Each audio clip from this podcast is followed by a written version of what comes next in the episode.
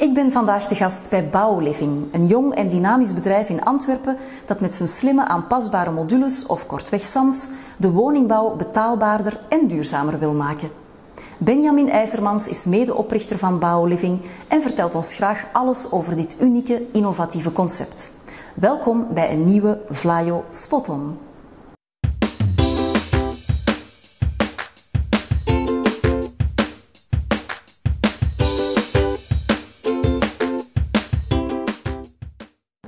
Benjamin, jij bent uh, Chief Marketing Officer bij Bouwliving. Um, ik ben geen productontwikkelaar of een ingenieur. Kan jij aan mij als leek uitleggen waarvoor Bouwliving staat, wat jullie precies doen? Zeker.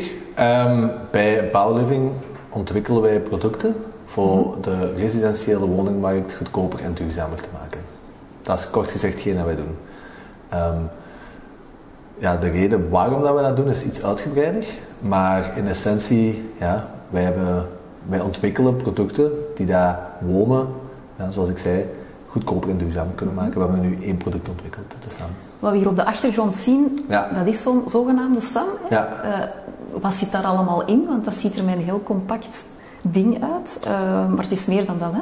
Ja, dus SAM is eigenlijk een idee dat ook is ontstaan in die filosofie van woningen goedkoper en duurzamer te maken. Ehm, en het, de- het idee was eigenlijk om een product te gaan ontwikkelen waarin al je nutsvoorzieningen vervat zitten. Ehm, wat bedoelen we met nutsvoorzieningen? Uw keuken, uw badkamer, uw ventilatie, uw verwarming en uw elektriciteit. Dat zijn eigenlijk de belangrijkste. Ehm, en Waarom dat we dat doen, is omdat we eigenlijk zagen dat vandaag de dag de installatie daarvan op een heel inefficiënte manier gebeurt. Dus er wordt een gebouw gezet. Ehm, als dat op een klassieke manier gebeurt, duurt dat ongeveer een jaar. Daarna komen er vijf, zes verschillende partijen in die, in die, in die bouw dat juist is gezet, van alle eh, zaken uitvoeren. Uw keuken, eh, komt zijn keuken installeren, uw sanitairman uw toilet enzovoort. En uw elektriciteit, uw verlichting, dan hebben we nog ventilatiespecialisten. Allee. Het probleem is dat die mensen onderling allemaal heel moeilijk met elkaar communiceren. Dat die de helft van hun tijd ongeveer bezig zijn met te slijpen in de structuur die daar juist is opgebouwd. Daarbij ook honderden kilo's aan materiaal weg te smijten. eh, om daarna handmatig alle leidingen in de structuur te gaan steken en handmatig alles dicht te werken. Wat eigenlijk, als je erover nadenkt, een vrij inefficiënt, eh vervuilende manier van werken is. Ehm, en eigenlijk met dat, of dat, als we zagen dat dat vandaag de dag eh, te werk ging, zijn we eigenlijk gaan nadenken van oké, dat moet beter kunnen en op dit idee gestoten.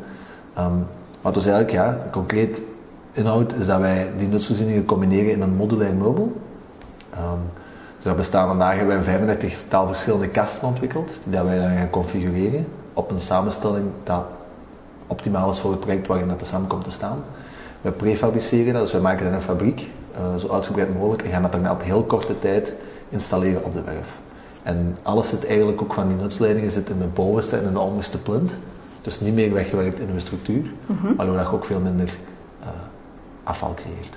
Oké. Vinden we die SAM al ergens terug in, in Antwerpen of misschien daarbuiten? Ja, we hebben er vandaag eh, een veertigtal al verkocht, waarvan dat de helft ongeveer ge- geïnstalleerd is. Ja. En dat gaat van Antwerpen tot Gent, tot Rotterdam, Brussel eh, en nog een paar streken ertussen. Ehm, dus we hebben al vandaag een zevental projecten gedaan. Oké. En is dat dan voornamelijk in hotels of, of, eh, of appartementen? Of, of... Wij mikken voornamelijk op ehm kleinere woonoppervlaktes. Waarom? Omdat het is, als je het systeem zo optimaal mogelijk wilt gaan benutten, moet je eigenlijk zien dat elke ruimte van je woning eraan grenst. Want dan kun je echt alle nutsleidingen beperken tot de SAM zelf. Dus de ventilatie kan dan perfect gewoon ja, in de plint zitten, gelijk als hier. Eh, moet je geen ventilatie meer gaan doortrekken. Hetzelfde met verlichting eh, enzovoort. Ehm, dat is één reden. Andere reden is gewoon dat we zien dat de grootste vraag zich ook in dat, soort, dat segment bevindt.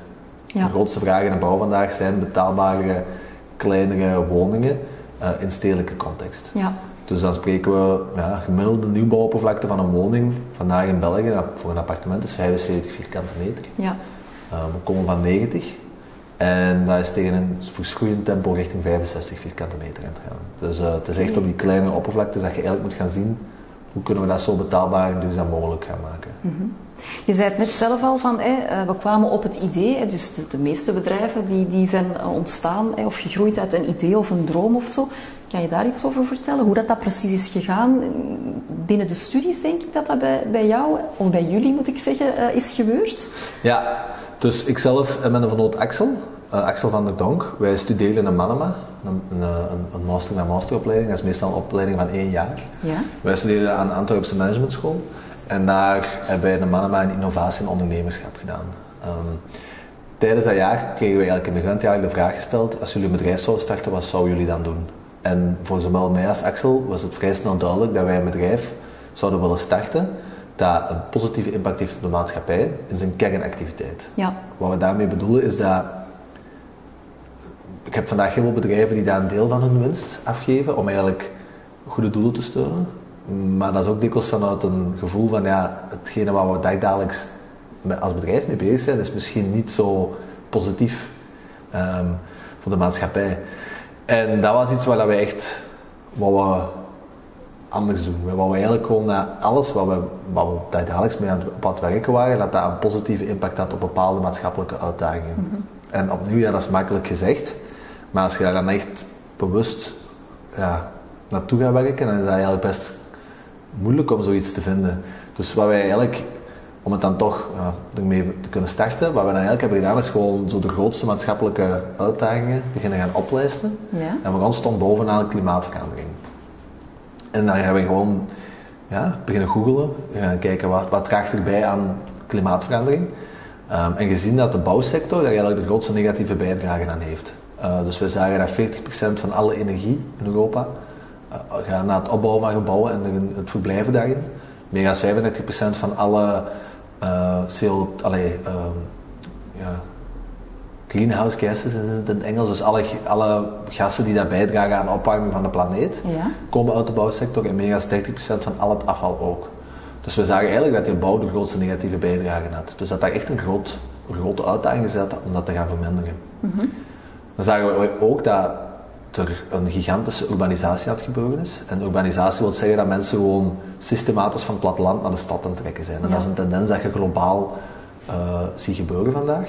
Omdat er de meeste economische opportuniteiten vandaag bevinden zich in stedelijke context. Vroeger, allee, vroeger, zelfs recent, eh, ook in de, in de ja, derde wereldlanden, werd er nog voornamelijk aan agrarische eh, activiteiten gedaan. En dat is gewoon systematisch aan het afnemen. Ehm, en dus meer en meer mensen trekken naar de stad. Als we daar gaan kijken hoe dat, dat de komende jaren gaat evolueren, zien we dat dat ongeveer 2,5 miljard mensen zijn op 30 jaar tijd. Dat die trend, die evolutie gaan doorlopen. En die mensen gaan allemaal een nieuw dak boven hun hoofd moeten krijgen. Dus dat zijn ongeveer 1 miljard nieuwe woningen dat er gaan moeten gebouwd worden. Of juist geen 100.000 per dag, 30 jaar lang. Ehm, en dan daarbij zagen we dat de bouwkost ook gewoon eh, gigantisch aan het stijgen is. Dus het wordt ook nog eens duurder om die woningen te gaan bouwen ook.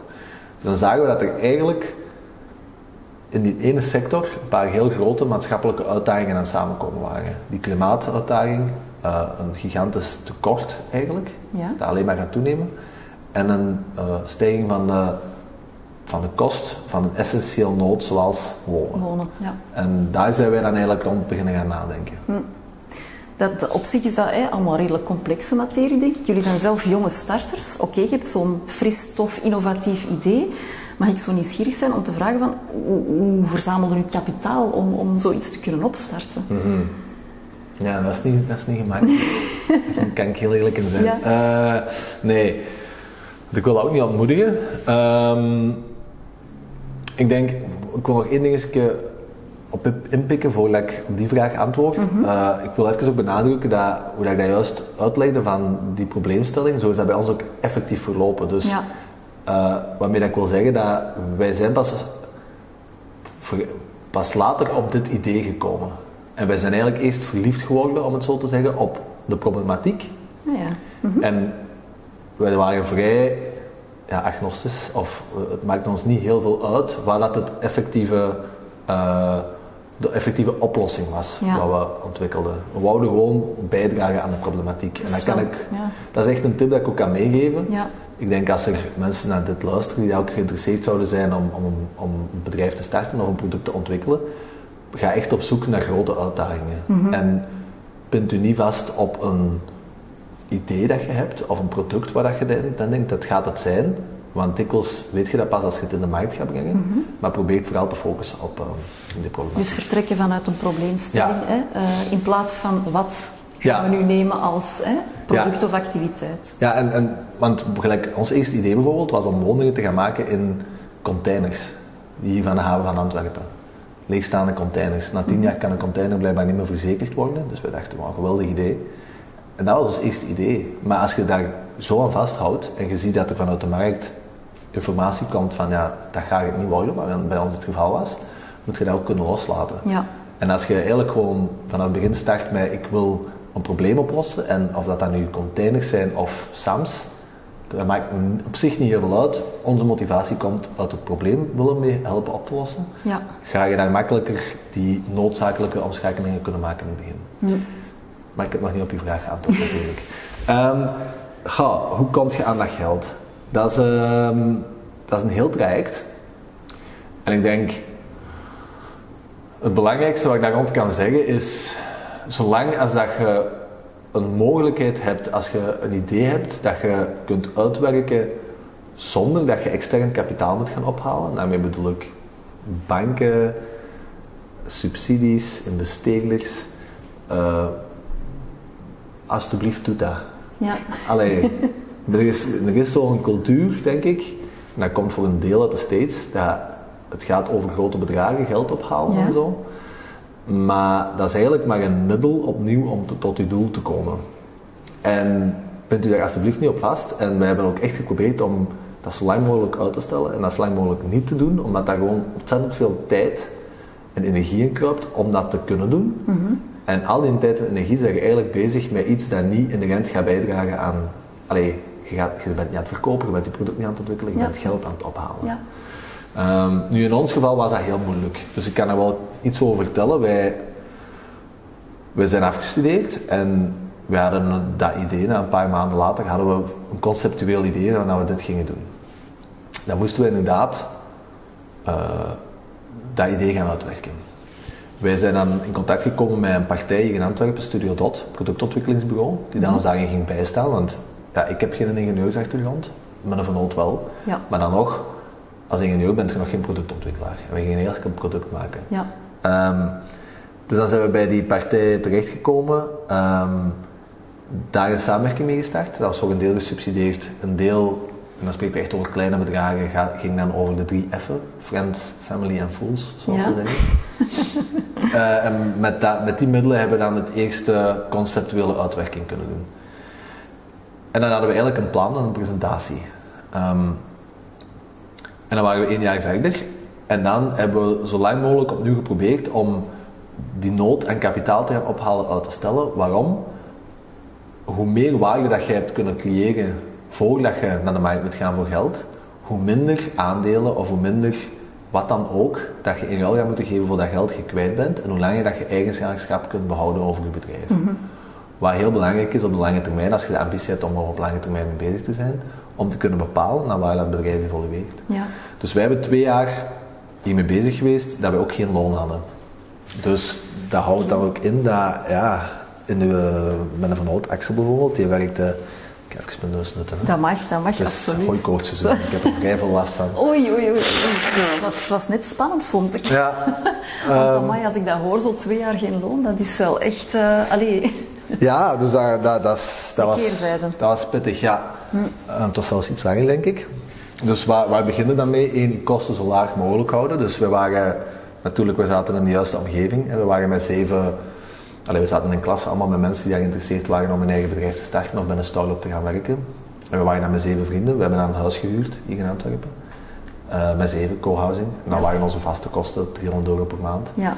Ehm, dus dan, dat is één tip dat ik kan meegeven. Een andere, ja, je moet echt creatief zijn en je moet niet schrik hebben van je handen uit de mouwen te halen. Dus Axel werkte bijvoorbeeld van 9 tot 6 aan ons idee. Meer was het niet. Dan at hij iets en om 7 uur sprong hij op zijn fiets en ging hij met Deliveroo eten leveren. Serieus? Tot 10 Ja. uur. Ja. Vier dagen in de week, vijf dagen in de week. Eh, en ik heb dan in de weekends eh, bij mijn vader in een bouw gewerkt. Ja. Dus ook heel veel van die problemen waar we nu op aan het werken zijn, effectief gezien. Ondervonden, ja. Ondervonden. Ja. Eh, en daarnaast in een horeca gewerkt en ook nog zelf een, uh, een pop-up gehad in die eerste jaren. Ja. Waar ik in de zomer dan ook stevig moest uh, mee rondwerken. Maar waar we dan ook wel een beetje meer financiële slagkracht gaven. Mhm. Um, en daar zijn we die eerste twee jaar mee doorgekomen. En dan hadden wij ook op een duur een, een prototype gebouwd, wat echt bestond uit heel basic meubilair, dat we eigenlijk hadden kunnen laten produceren bij een meubelproducent. Um, met als belofte van, ja kijk, als jullie nu ons helpen met een eerste keer een prototype te bouwen, dan krijgen jullie de exclusiviteit op de eerste x aantal units. Dus dat soort van oplossingen moet je gaan zoeken Ja. in het begin, denk ik. Om echt opnieuw die waarde te creëren voordat je echt uh, op zoek gaat naar, naar investeerders. Ja. Maar dat was echt ja, een, een heel basic ontwerp in een leegstaande winkel ergens uh, in, uh, in Antwerpen. En met een plastieke dak en zo. Ja. En dan op dat punt moeten we ook wel ergens gaan bekennen van oké, okay, we kunnen niet meer verder. We zijn Mhm. hier 2,5 jaar, 80 uur per week aan het werken, we zijn op. Uh, Dat zal wel. en we hebben dat nu gebouwd. Maar als we het nu echt eens gaan willen bouwen, gelijk als je het hier bijvoorbeeld ziet, je kunt Ja. zo creatief zijn als dat je wilt. Nou, dan krijg je het niet gebouwd met nee, creativiteit. nee. Daar moet gewoon vakmanschap en Ja. geld tegenover staan. Dus dan zijn we beginnen zoeken naar ehm, investeerders. We hebben dan twee dingen gedaan. We hebben ook een fly-out dossier ingediend Ja. voor subsidie. Ehm, dat was goedgekeurd. Nadeel was, als dat goedgekeurd was, moet je de, dat is een 50-50 verhouding denk ik dat het toen was. Dus je moet, voordat je nog maar 1 euro krijgt, moet je het volledige bedrag vol stort hebben op de rekening van je zaak. Uh, Oké. De volledige som. Dus ik denk dat ons dossier was toen iets van een 160.000. Dus Ja. we kregen 80.000 euro subsidie voor een eerste model te bouwen. Ja. Maar we moesten ook 80.000 euro, dus de helft van dat hele project moesten we ook zelf kunnen financieren. En voor dat bedrag, en iets meer ongeveer, en we zijn in totaal aan 100.000, zijn we dan op zoek gegaan aan investeerders. Mhm. En dan zijn we vrij snel bij de groep Van Goeie uitgekomen, uh, een van de grotere bouwfirma's in, uh, in België.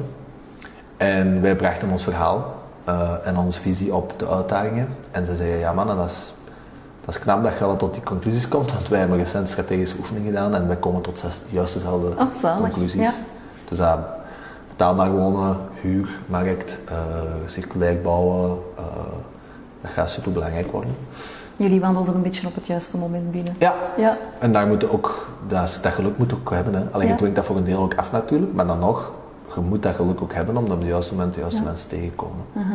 Benjamin, ik wil even teruggaan naar zo sociaal-maatschappelijke, um, allee, vooral, vooral het duurzame bij jullie. Ja? Um, ja, jullie zijn een eco-efficiënt bedrijf. Jullie verlagen hè, serieus de druk op milieu en klimaat hè, in de bouwsector. Um, kijk, kun je zo nog eens uitleggen hoe dat jullie precies binnen dat circulaire plaatje passen?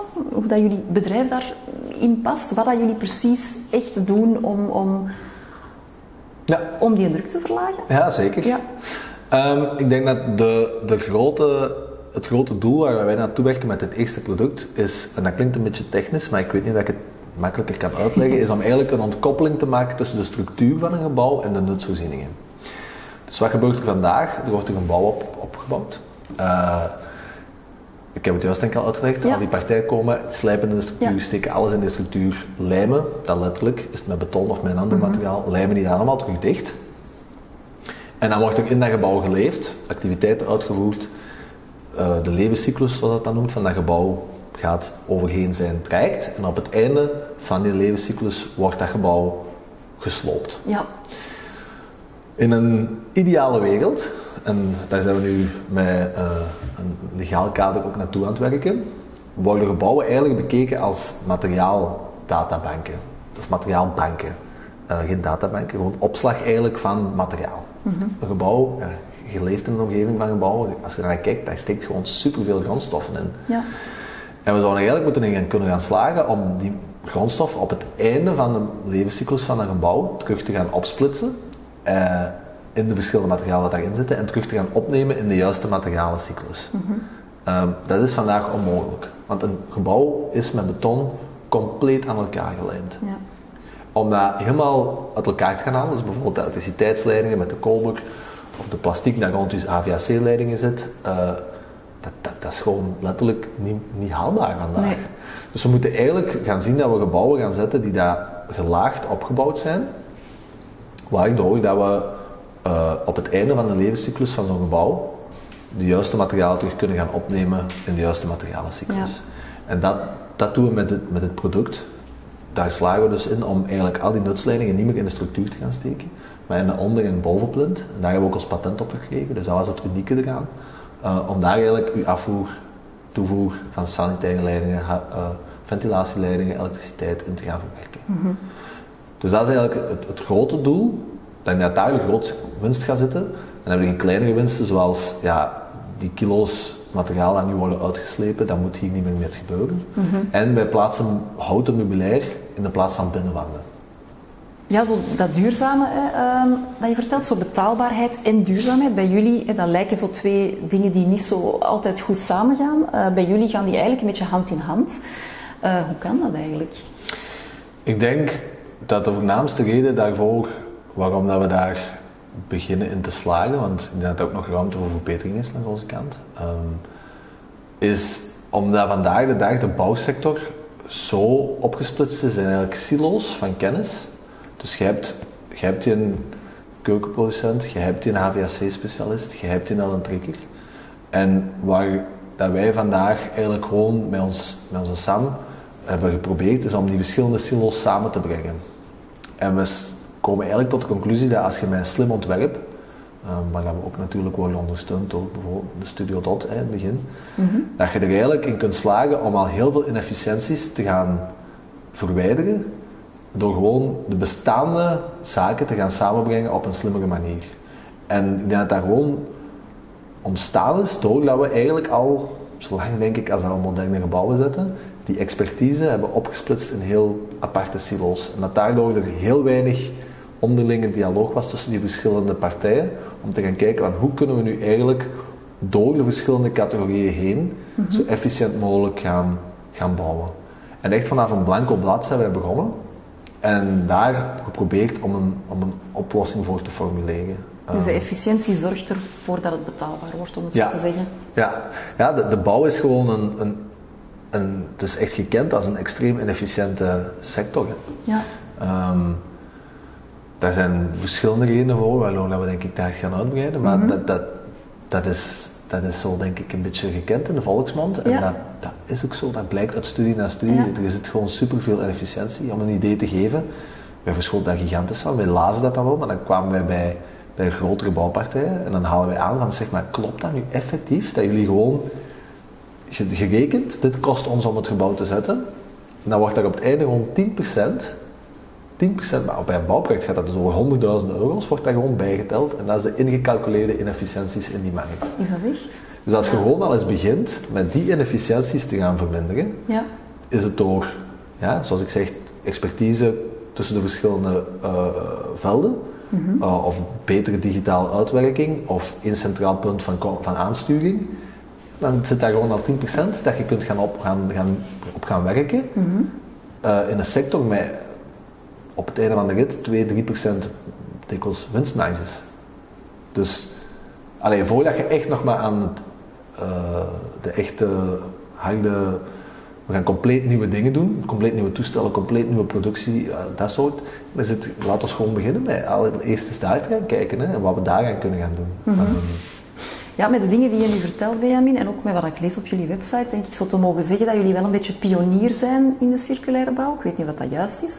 Maar ik vraag me eigenlijk af, hebben jullie dan geen concurrentie? Is er, is er geen concurrentie um, in wat dat jullie doen?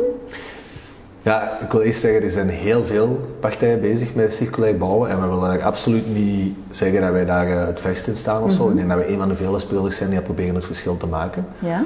Um, nu, dat we dat, allee, dat we dat al vele jaren stevig proberen, dat, dat kan ik uh, zeker bevestigen. Ja. Um, nu, uh, het tweede deel van uw vraag, ben ik ergens vergeten? Wat? Ja, het ging vooral over het feit, ik ben benieuwd of, of er geen concurrentie is. hè? Ja. hoe dat, dat eruit ziet bij jullie. Ja, onze concurrentie is uh, prefab badkamers. Ja. Dat is een product dat bestaat al 60 jaar of zo. Um, dat hebben we ook grondig bestudeerd. Um, maar het grote verschil is, ja, het woord zegt het, dat is alleen een badkamer. Terwijl wij eigenlijk badkamer, keuken, ventilatie, verwarming, elektriciteit, eigenlijk alle Ja. andere zaken buiten de structuur van je gebouw gaan combineren in één. Dus daar is al een heel groot verschil. Ja. Het andere verschil zit erin dat wij eigenlijk naar die markt gingen kijken en dat je zegt van oké, je hebt bij die partij heb je gewoon dikwijls een eh, badkamercel eh, A, B en C. En als badkamercel A, B en C niet past in je project, spijtig, want die worden heel dikwijls gemaakt met mal, met mallen. Ja. Dus het is altijd hetzelfde eh, voor kost. Dat snap ik. Maar ja, dan- niet tegen een architect gaan zeggen van jij moet je project gaan tekenen op basis van de badkamercel. Nee. Dat, dat pakt niet in de residentiële markt. Plus dat het er ook mooi moet uitzien. Ja. Ehm, wat voor residentieel belangrijk is, mensen wonen erin. En daardoor zagen we dat eigenlijk die badkamercellen voornamelijk werden gebruikt in ja, de scheepsvaart, eh, ja. hotels ook wel, ehm, eh, de zorgsector. eh, voilà. Dus dat zijn eigenlijk ons grootste concurrenten. En ja, de andere concurrent waar we dagelijk, dag- dagelijks tegen strijden, is gewoon nog altijd de klassieke manier Ja. van werken. Ja. Want het, het, het vergt wel een bepaalde andere manier van aanpak vanaf dag één eigenlijk in je proces van ik ga een gebouw zetten. En daar hebben we ook wel een beetje, ja, daar werken we nog elke dag rond om te proberen die boodschap rond te krijgen van nee, je moet vroeger in het proces gaan nadenken aan hoe gaat het, hoe Ja. gaat het gebouw zetten. En als je dat doet bij ons product bijvoorbeeld, maar er zijn nog andere producten, dan gaat dat leiden tot een beter eindresultaat. Maar dat vergt wel wat meer effort in het begin. Ja, oké.